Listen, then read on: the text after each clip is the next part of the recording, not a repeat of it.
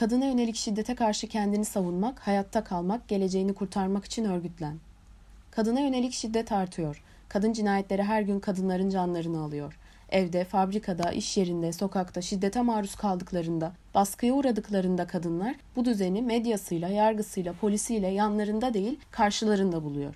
Bugün fabrikalarında, iş yerlerinde, mahallelerinde ekmek ve hürriyet mücadelesini yükselten, örgütlenen emekçi kadınlar, kadına yönelik şiddete karşı mücadelenin de öncüsü olmalıdır. Şiddete karşı mücadeleyi kapitalizme ve erkek egemenliğine karşı emekçi kadınların öncülüğünde bir mücadele ile birleştirelim.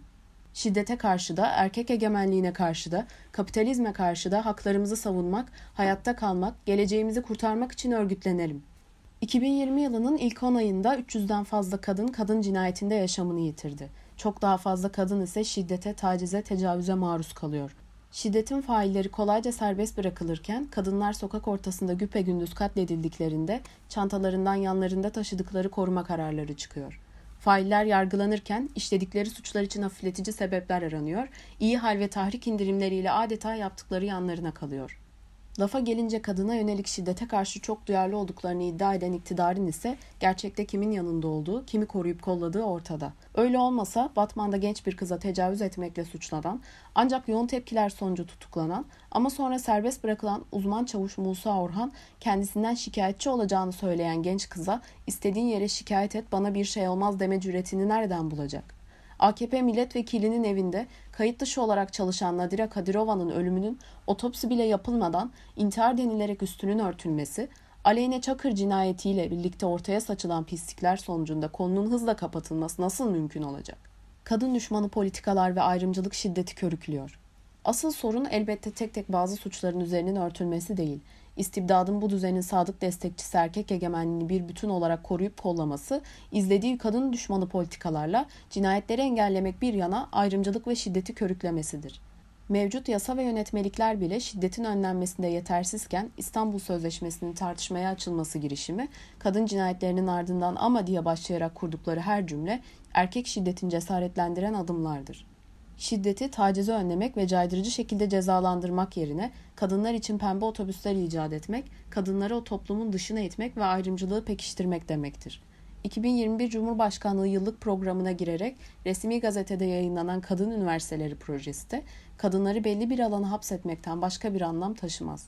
İktidar kadınların güvenliğini düşünüyorsa bu kaynak herhangi bir ihtiyaca karşılık gelmeyen kadın üniversitelerine değil, yeterli sayıda kadın sığınağının açılmasına ayrılmalıdır kadına yönelik şiddete karşı öz savunma örgütlenmeleri kuralım. Erkek şiddeti artıyor ama onun karşısında kadınların öfkesi de bu şiddete karşı dayanışma çağrısı da aynı şekilde büyüyor.